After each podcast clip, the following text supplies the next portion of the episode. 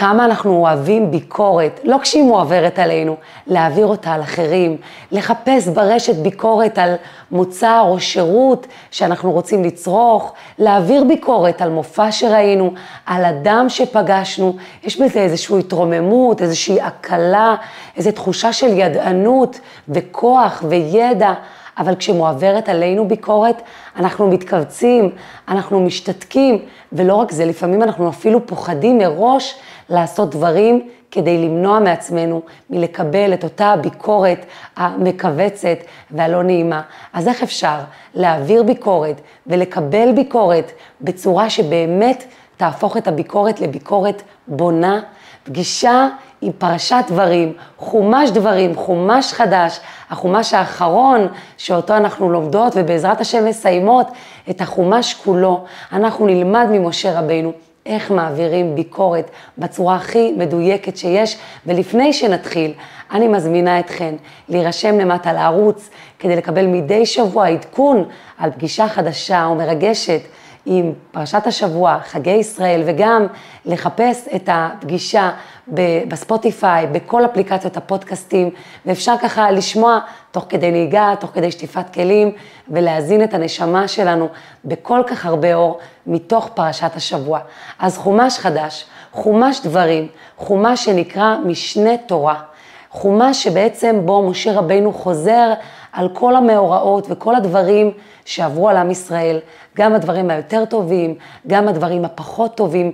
משנה תורה זה לא רק בגלל החזרתיות, זה גם בגלל שהדברים נאמרו מפיו של משה רבינו, השכינה מדברת מגרונו. תחשבו כמו משנה למלך שמדבר בשם המלך, ובגלל שהוא כל כך קרוב אליו, הוא ממש מעביר את המידע שהמלך עצמו רצה למסור. ככה משה רבינו זוכה מתוך הביטול שלו לאלוקים, מתוך המעמד הרוחני הגבוה שלו, להיות בעצם פה שדרכו מדברת השכינה. שכינה מדברת מגרונו. והוא לא סתם חוזר על כל הדברים שקרו, אלא בחומש דברים, הדברים נאמרים בצורה בהירה יותר, מבוארים יותר, עמוקים וגבוהים יותר, כי גם עם ישראל עולה בדרגה, הוא הולך להיכנס לארץ ישראל, באמת באמת להתמודד עם העולם, ולא רק כמו שהוא היה קודם לכן, כולו מוגן ומחובק על ידי השם במדבר, כאן הוא הולך להתמודד ולחיות את החיים האמיתיים כדי להעלות ניצוצות מלמטה למעלה. ולכן משה רבינו מעביר להם את הדברים. וכבר כאן יש מסר אדיר בעבורנו. משה רבינו, מנהיג עם ישראל, לכל אחת מאיתנו יש בתוכה ניצוץ של משה רבינו. ספר דברים מלשון דיבורים, הכוח של הדיבור, הכוח של המילים. כן, כן, כמו משה רבינו, גם אנחנו יכולות להיות כאלה שהשכינה מדברת מגרוננו. כמובן, לא בעוצמה של משה רבינו, אבל ניצוץ, בקטן של הקטן. ואיך אני יכולה שהשכינה תדבר מגרוני? כשאני, לפני שאני פותחת את הפה, אני מוודאת שאני מחוברת לנשמה שבתוכי. אני בודקת שאני באמת מדברת ממקום של אהבה, שאני הולכת לדבר עכשיו דיבור חיובי, דיבור אופטימי, דיבור מאמין, והדיבורים האלה יש בהם שכינה, הם יוצרים מציאות, גם אצלי, גם אצל האדם האחר שאליו אני מדברת, ואני יכולה כל רגע לשפר ולשפר את הדיבור שלי ככה שהוא יהיה דיבור של שכינה. אם אמרתי משהו, אז לחזור בי ולתקן בצורה חיובית יותר. אם התחלתי לכתוב משהו ועוד לא סיימתי, לכתוב את זה בצורה יותר מחוברת, יותר שיש בה ניצוץ של משה רבנו, ובאמת ספר דברים מהווה הבסיס לכל התורה שבעל פה. הוא זה שנותן לנו את היכולת להבין מה הקדוש ברוך הוא רוצה לומר לנו פה ואיך בפועל ליישם את התורה. ואנחנו רואות שעל תחילת פרשת דברים, משה רבינו, כחלק מהפרידה שלו מעם ישראל, מעביר עליהם תוכחה, ביקורת, לא נעים לקבל ביקורת. למה הוא מבקר אותם? פה הוא לומד מיעקב אבינו. גם יעקב אבינו, לפני שהוא נפטר, לפני שהוא נפרד מהבנים שלו, מכל השבטים, הוא מברך אותם. והברכות של יעקב אבינו כוללות בתוכם משולבות ותוכחות. ברכה עם תוכחה, ברכה עם תוכחה, תוכחה עדינה, קצרה, מרומזת. ולמה? שואלים שם, כשיעקב נפרד מהבנים שלו, למה זה בכלל נקרא ברכות כשיש בהם תוכחות? כי אם רק מברכים ולא מכוונים את האדם גם לראות איפה הוא טועה ואיפה הוא נופל, אז זה לא מספיק. ושם יעקב נותן להם גם ברכה וגם תוכחה מרומזת ממקום של אהבה, וככה הוא נפרד מהם, הוא רוצה שהם יצליחו. וגם משה רבינו פה נפרד מעם ישראל, וכל מה שהוא רוצה זה רק שהם ימשיכו ללכת בדרך השם ולהישמע לו. ולכן הוא נותן להם את התוכחה העדינה. לפני שהוא נותן להם את התוכחה, קודם כל הטיימינג, מתי לתת את התוכחה. אם אני רואה בן אדם שהרגע נפל לו משהו מהיד, או הרגע הוא איבד משהו והוא מחפש אותו בלחץ, ואני אומרת לו, אתה אף פעם לא שם את הדברים שלך במקום, הוא לא יכול כרגע לקבל את הביקורת, הוא חווה את זה כרשעות, כחוסר רגישות, וזה באמת מה שזה. אם באמת אכפת לי ממנו, אני צריכה להבין שכרגע הוא לא בנוי לשמוע את התוכחה שלי. ולכן משה רבינו מוסר להם את התוכחה אחרי המלחמה באוג וסיחון, אחרי שהוא הראה להם שהוא נלחם בעבורם, שהוא בצד שלהם. עכשיו, לקראת הפרידה, בטיימינג כזה רגוע, בזמן של סיכום דברים, הוא מעביר להם את התוכחה. ואיך הוא מעביר להם את התוכחה? הוא מדבר איתם ומזכיר מקומות במדבר, בערבה, מול סוף, ודי זהב, מזכיר מקומות, זה נשמע שהוא בעצם מספר את ההיסטוריה, איפה הם היו, מה הם עשו, אז איפה כאן רואים תוכחה? זה כל כך מרומז, שרק המפרשים מסבירים לנו מה התוכחה פה. איך יודעים שזה לא סתם רשימת מקומות? כי אחד המקומות שמוזכרים, די זהב, לא קיים מקום כזה. ומכאן מבינים שהוא בעצם מרמז לדברים שאותם הם עשו והתנהגו בצורה לא נכונה. אבל לא רק שמשה רבינו מעביר את זה בעדינות ובצורה מרומזת, לא רק שהוא עושה את זה בטיימינג הנכון, שזה אחרי שהוא ניצח בעבורם והראה להם שהוא איתם ולמענם, בכל תוכחה הוא משלב רמז לנסיבות מקלות, להבנת הסיטואציה שבה היו עם ישראל. בעצם הוא אומר, אני יודע שהיה לכם קשה. לדוגמה, במדבר, שהם אמרו שהם ימותו במדבר, מי ייתן מותנו במדבר? אז הוא מרמז שהמדבר הוא מקום שורץ, נחשים ועקרבים, מקום של צמא, ואפשר להבין אותם למה הם חטאו. בערבה, שהם חטאו גם בעבודה זרה וגם מבנות מדיין, הוא מרמז שזה מקום מלא מלא פריצות, ואפשר להבין למה זה קרה. זאת אומרת, הוא לא מצדיק אותם, אבל הוא מבין את הסיטואציה, הוא מראש שם להם סולם של אני יודע שהיה לכם קשה, אני מזכיר לכם את זה, כדי שלא תחזרו על ההתנהגות הזאת, ואני מבין איך הגעתם לשם.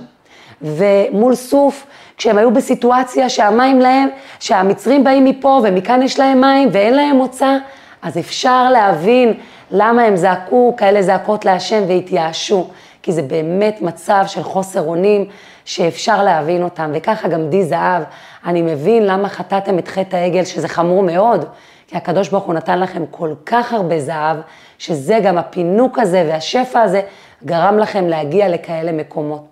זאת אומרת, אם נחזור על זה, משה רבנו אומר להם את התוכחה, גם בזמן הנכון, גם בצורה עדינה ומרומזת שמכבדת אותם, גם מתוך מקום של אהבה ורצון שהם ישפרו את דרכיהם לטובתם, וגם כשבכל תוכחה מרומז בתוכה משולב הבנה של הנסיבות שבהם הם היו. זה מזכיר את רבי זושה מהניפולי, חסיד גדול וידוע, שהוא היה נעמד ליד אדם, ובמקום להוכיח אותו היה אומר, אוי, זושה, זושה, שוב פעם לא נטלת ידיים בזמן, שוב פעם ריכלת על יהודי, מה יהיה איתך? וכמובן שאותו אדם, שלא הוא בעצם רצה להעיר את ההערות, היה שומע את הדברים בעקיפין, בלי להיעלב, ומקבל חיזוק לשפר את ההתנהגות שלו. איזו דרך יפה להוכיח, באמת ממקום של אכפתיות ואהבה. ומעט מאוד פעמים אנחנו מוצאים את עצמנו מבקרים בצורה כזו וגם מקבלים ביקורת ממקום כזה.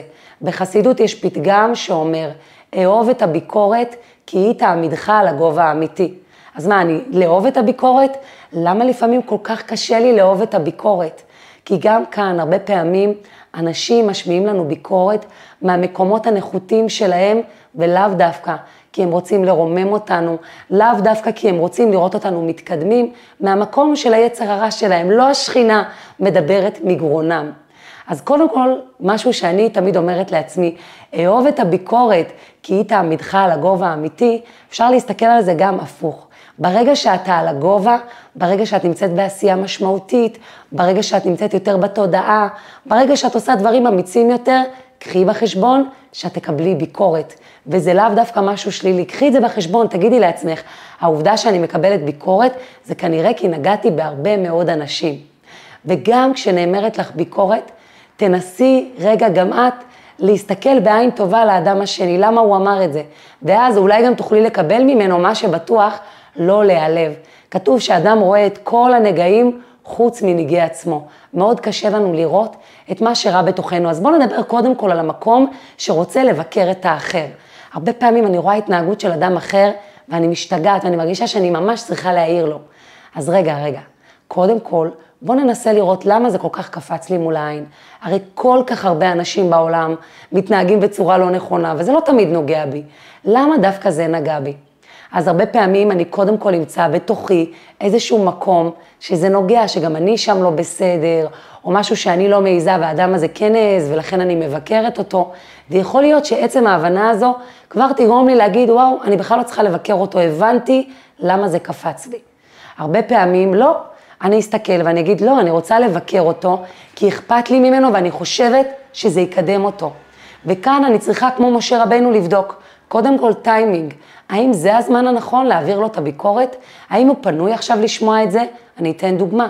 היה לי פעם שייצרתי מוצר, והיו לי אלפים ממנו, ורק פרסמתי שייצרתי אותו. ואז קיבלתי הודעה ממישהי שחושבת שהעיצוב מאוד מאוד מכוער. עכשיו, קודם כל, להגיד על משהו שהוא מכוער, זה כבר לא מקדם, אבל גם הטיימינג, אם פרסמתי שזה כבר הודפס, מה זה עוזר לי שאת אומרת את זה? אם תפני אליי עוד כמה חודשים, ותגידי לי בצורה יפה, שאת חושבת שאפשר לעצב את זה יפה יותר וכבר מכרתי קצת, אז אולי בייצור הבא אני אוכל להתחשב בזה, במיוחד אם כתבת לי את זה יפה. אבל אם כתבת לי את זה כשהרגע ייצרתי את זה, וגם כתבת לי לא נעים, מה עשית חוץ מלהנמיך אותי כל כך נמוך ולגרום לי להרגיש רע? אז קודם כל, טיימינג. לדוגמה, לא מזמן ראיתי מישהי שהתייעצה איזה לוגו לבחור לחברה שלה. וכשאני ראיתי את הפרסום, ראיתי שכבר עבר כמה זמן מאז שהיא פרסמה. אז לפני שעניתי, בדקתי בתגובות, ואז ראיתי שהיא כבר בחרה עיצוב, דווקא את העיצוב שלא אהבתי. והתאפקתי ולא כתבתי כלום, כי מה זה יעזור? היא כבר בחרה אותו. אז אם עכשיו אני אכתוב לה שבעיניי הוא לא ממצה ולא מעביר ויבקר, מה אני אעשה חוץ מלגרום לה הרגשה רעה? היא כבר הדפיסה דברים עם הלוגו הזה, זה מה שהיא בחרה, שיהיה לה בהצלחה. אז טיימינג זה הדבר הראשון. הדבר השני, זה איך אני אומרת את זה. ואנחנו רואות גם אצל יעקב אבינו, גם אצל משה רבינו, את השילוב הזה של העדינות עם האהבה, עם הנסיבות המקלות. כשאני באה ומעירה למישהי ומשלבת שם מילים טובות ומחמיאה לה על מישהי, כשאני מסתכלת ושואלת עצמי אם פעם גם פניתי אליה ואמרתי לה מילה טובה, או שהביקורת הזאת היא האינטראקציה הראשונה בינינו. משה רבינו הלך עם עם ישראל דרך כל כך ארוכה, מסר את נפשו עבורם. כשהוא בא ומעביר עליהם תוכחה, זה מתוך מערכת יחסים מאוד מאוד עמוקה ואוהבת. אם אני באה ומעבירה ביקורת על אדם שמעולם לא החמאתי לו בעבר, למה שהוא יקבל ממני? ובאמת לשאול את עצמי, למה אני עושה את זה? מה, מה המטרה שלי? מה המטרה שלי? אם המטרה שלי להועיל לאותו אדם, להועיל לאותו ילד שלי, להועיל, להועיל לבעל שלי, כן, זה הרי קודם כל עם הקרובים שלנו, אז בוודאי שכשאני אזכר מה המטרה, אני אגיד את זה בזמן הנכון, אני אגיד את זה בצורה הנכונה, ולפעמים בגלל המטרה אני אדע שעדיף שאני לא אגיד את זה. זה לא כזה חשוב. וראיתי כמה פעמים איך דווקא מלא להגיד, אפשר להגיע לתוצאות מדהימות. ביקורת זה דבר בונה כשזה במטרה לבנות וכשזה נעשה בהמון מחשבה וחיבור לשכינה שמדברת מגרוננו, כמו משה רבינו, אבל כשאנחנו רק באים ומטיחים אותה סתם, בלי מחשבה, בלי תכנון, הנזק יכול לעלות הרבה הרבה הרבה יותר מאשר התועלת. ונסתכל גם על ביקורת שמופנית כלפינו. אז קודם כל אמרנו שככל שאנחנו עולים יותר גבוה, נקבל יותר ביקורת. אהוב את הביקורת כי היא תעמידך על הגובה האמיתי, כשאת על גובה, יהיה לך יותר ביקורת. אז מה, אני צריכה לאהוב את כל הביקורת שמופנית כלפיי? לא. אבל גם אם נאמרה לי ביקורת ואני לא מקבלת אותה, להסתכל באהבה על האדם השני. ויכול להיות שמתוך ההסתכלות של האהבה אני אראה שזה אדם שפוחד לעשות משהו עם עצמו, או שאולי עבר איזה משהו, או אולי זה מעורר בו, ואז אני גם לא איפגע מזה, אני אסתכל על זה ואולי זה יגביה אותי להגיד, הנה, אני כן מעיזה לעשות דברים, והוא עדיין פוחד. אז אני לא הופכת אותו לאדם רע, אני גם לא בהכרח מקבלת את מילות הביקורת המדויקות שנאמרו לי, ועדיין זה הגביה אותי.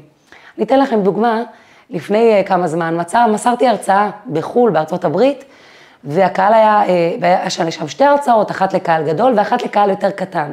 בהרצאה לקהל הקטן יותר, הקהל היה מאוד קרוב אליי, והייתה להם אפשרות להשתתף גם, כמה פעמים עצרתי במהלך ההרצאה ויצרתי מעין שיח. ואז סיפרתי להם איזשהו סיפור שהיה אצלנו במשפחה, על מישהו שלא הרגיש טוב, ופנו לרופא, ובמקביל כתבו באגרות קודש, וברגע שאמרתי שכתבו באגרות קודש, אישה אחת שם ממש כעסה ואמרה, מה הקשר, אדם חולה, הולכים לרופא, מה הקשר אגרות קודש, אישה לא שומרת תורה ומצוות, ועניתי לה, ועוד מישהי מהקהל ענתה לה, אבל ראיתי שהיא נורא נורא נסערת, ושוב פעם טיימינג, זה לא היה זמן לנהל את זה איתה מול כולם, ואמרתי לה, בוא נדבר על זה שוב בהמשך, אני הבנתי מה רצית להגיד, והמשכתי בהרצאה. ותוך כדי שאני ממשיכה בהרצאה, למרות שהיא קצת הסעירה אותי, כי היא הייתה מאוד תוקפנית, הסתכלתי עליה בעיניים של אהבה, וככה ניסיתי לחשוב עליה דברים טובים, ואמרתי לעצמי, אני עוד אדבר איתה בסוף. וכשסיימתי את ההרצאה, באמת לא היה בי שום כעס, בגלל שעשיתי תוך כדי עבודה עצמית, תוך כדי שאני בכלל כבר מרצה על נושאים אחרים, ממשיכה את ההרצאה, אבל באמת החיבור הזה לקדוש ברוך הוא, זה כשאת נמצאת בתפקיד ואת נמצאת מול קהל, באיזשהו מקום לפעמים הוא יותר קל מאשר בבית, כשבא ילד או בעלך או מישהו אומר לך משהו.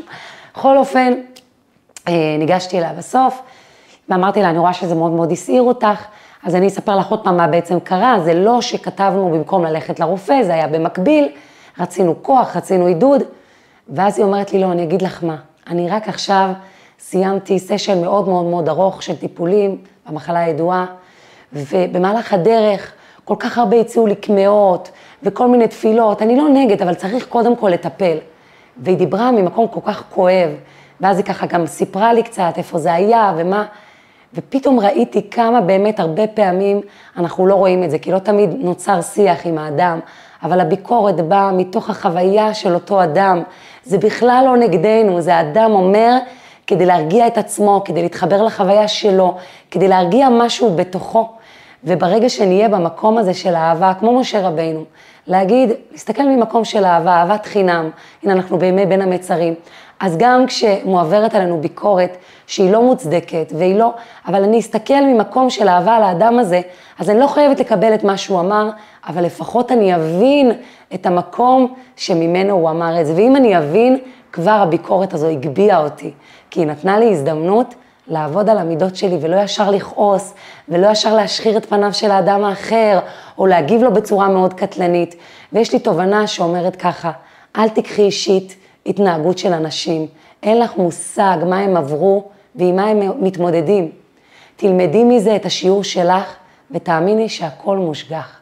יש לך פה שיעור ללמוד, לא מתוכן הביקורת, אולי מהצורה שהיא הועברה, אבל באמת כל הזמן להזכיר לעצמנו טיימינג, להסתכל שגם מה המטרה שלנו כאן.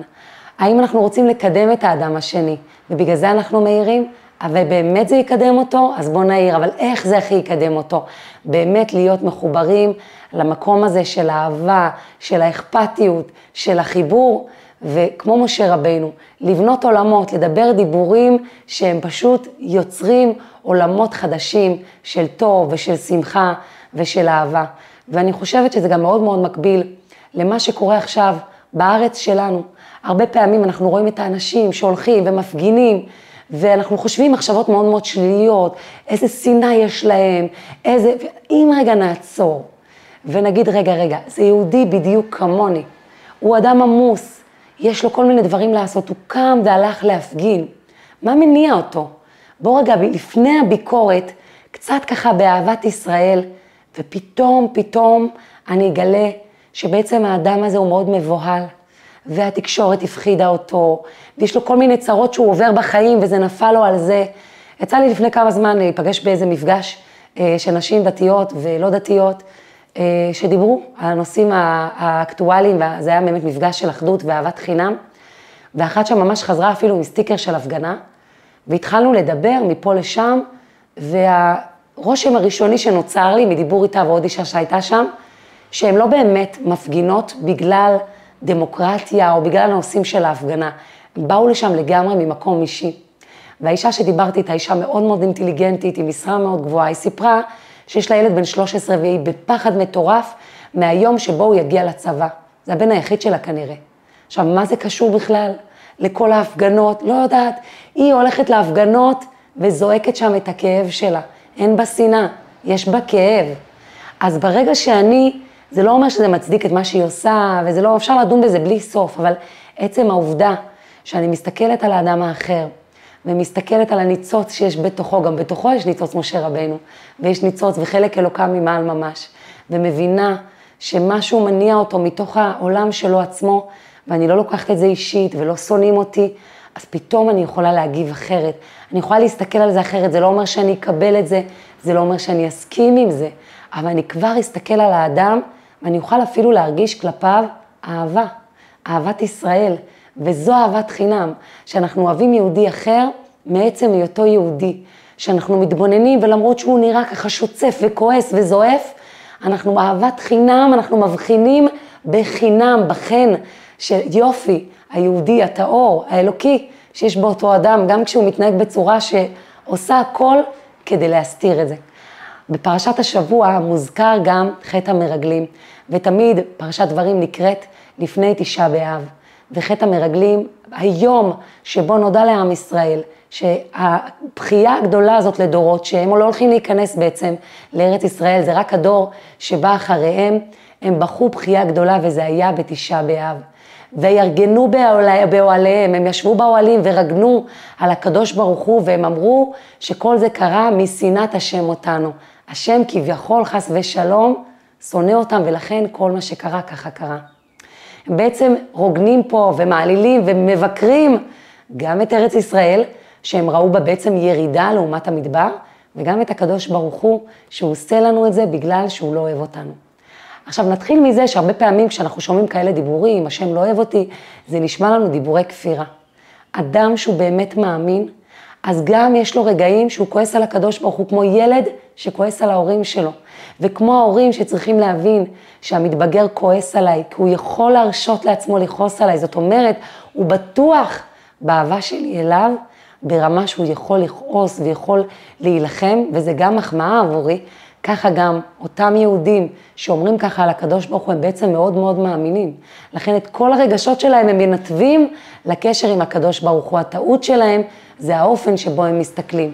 במקום לראות שהקדוש ברוך הוא עושה הכל מאהבה. וזה מה שגרם לבכייה לדורות. וגם אנחנו עוברות הרבה פעמים כל מיני ניסיונות, כל מיני גלויות, שזה נראה לנו הרעת תנאים. כן, כמו עם ישראל שהיה נראה לו שלעבור מהמדבר לארץ ישראל זה הרעת תנאים, מלהיות מוגנים בענן, כבוד ולאכול מן ובאר מרים, ובאמת להיות חיים באוטופיה רוחנית, פתאום להיכנס לארץ, להתחיל לעבוד, לפתוח אה, עוסק מורשה, להתפרנס, להתעסק עם כל ה... למה שאני לא אהיה שם בללה לנד הרוחני הזה? יש פה הרעת תנאים. והם חושבים שזה בא מזה שהקדוש ברוך הוא לא אוהב אותם. וככה קורה לנו הרבה פעמים, שפתאום עובר עלינו אובייקטיבית אתגר מאוד קשה, בריאותי, כלכלי, נפשי, זוגי, הורי, חברתי, ואנחנו מרגישים הרעת תנאים. אנחנו אומרים, אולי הקדוש ברוך הוא לא אוהב אותי, אולי הוא שכח אותי. וכאן אנחנו צריכים לזכור שאנחנו צריכים לדבר עם עצמנו ולהתחזק באמונה, שקודם כל, גם אם יש ירידה, כמו ימי בין המצרים, היא תמיד לצורך עלייה. הקדוש ברוך הוא לפעמים מנפץ לי משהו אחד, כדי שאני אאלץ לבנות את הדבר הבא והטוב יותר. הוא מוריד אותי מהפסים שדהרתי עליהם, כדי שאולי אני אלמד ללכת יותר לאט ובצורה שיותר תשמח אותי. כל מיני דברים כאלה מרגישים הרעת תנאים, אבל אם אני אאמין, אני אגלה את ההזדמנויות, שבעצם זה נועד לשפר את המצב שלי. ובכל מקרה לזכור כל הזמן, השם אוהב אותי מעצם היותי כל מה שהוא עושה לי זה מתוך אהבתו אותי, כמו שאומר רש"י, מאהבתו אותם, הוא אוהב אותם, הוא אוהב אותי. כל מה שהוא עושה, זה צריכה להיות לי אקסיומה רוחנית בראש. כל מה שקורה בעולם הזה זה מאת השם. השם הוא עצם הטוב, הוא טוב, הוא אוהב אותי, טבע הטוב להיטיב, ולכן הכל לטובתי. גם אם אני לא רואה את זה, אני אאמין בזה, ראש בקיר, כמו איזה תוכי, כמו ילדה קטנה, הכל לטובתי העליונה. ומתוך האמונה אני ארגיש את האהבה בליבי, אני אשאב כוחות מהאמונה לעבור את הקושי, ובעזרת השם אני אזכה לראות את האור הגדול. בשבת הקרובה, היא נקראת שבת חזון. אומר רבי לוי יצחק מברדיצ'וב, שבשבת הזו מראים לכל יהודי את בית המקדש, מראים לו את החזון, כמו אבא שתופר לילד שלו חליפה והילד קורע אותה, והוא תופר לו עוד חליפה ועוד פעם הילד קרא, ואבא כל כך אוהב את הילד שלו, אז הוא תופר לו חליפה שלישית, אבל הפעם הוא לא מביא לו אותה. כל פעם הוא מראה לו אותה ואומר לו, אתה רואה? תתנהג יפה, לא תקרא יותר בגדים, אתה תקבל, זו החליפה שלך. וככה גם הקדוש ברוך הוא בשבת חזון מראה לנו את בית המקדש, את החזון של הגאולה. הרבה פעמים אנחנו מתנהלים בחיים, כמו שדיברנו מקודם על הביקורת, אומרים ביקורת, עושים משהו, בלי תכנון, אימפולסיבית, לזרום, להתחבר למה שמרגיש לי. זה נשמע נורא נורא מקסים, אבל זה לא מקדם לשום מקום. אנחנו צריכים שיהיה לנו בראש חזון. קודם כל חזון כללי, חזון של גאולה לכל עם ישראל. להזכיר לעצמי כל הזמן, יש כאן חזון, יש כאן ייעוד, וזה נותן כל כך הרבה כוח. לדעת שאנחנו לא סתם חיים באיזה רוטינה של החיים, יש פה חזון, זה ייגמר בגאולה, זה ייגמר בבית מקדש, אבל גם ברמה האישית, מול הקשיים שיש לי, לעשות לי, לבנות לי חזון. אני עוברת איזה קושי, לדמיין איך הקושי הזה חולף, ואני עם חיוך גדול על הפנים, הולכת ומתפללת בקברי צדיקים להגיד תודה. לדמיין את כל המשפחה בטיול משפחתי, במסיבת הודיה, אחרי שהאתגר הזה עבר. לדמיין אותי נותנת המון המון צדקה, אחרי שיהיה לי בעזרת השם שפע, אחרי תקופה ארוכה שהייתי במצב שאני צריכה חס ושלום עזרה מאחרים, ממש לדמיין חזון, מי שלא מרגישה טוב, לדמיין חזון, איך היא כשהיא בריאה ואיזה דברים טובים היא תעשה עם הבריאות שלה. וכל יום לדמיין את החזון הזה, ואת כל הפעולות שאנחנו עושים, וכל המחשבות לכוון לעבר החזון הזה, ומניסיון אישי, זה עובד, זה קורה בצורה פלאית ומדהימה, שנזכה כל הזמן להראות לעצמנו את החזון. של בית המקדש, ובקרוב ממש נזכה כולנו לגאולה פרטית מכל מה שמונע ומעכב אותנו, ובעזרת השם, כל עם ישראל, לגאולה אמיתית ושלמה, תכף ומיד ממש.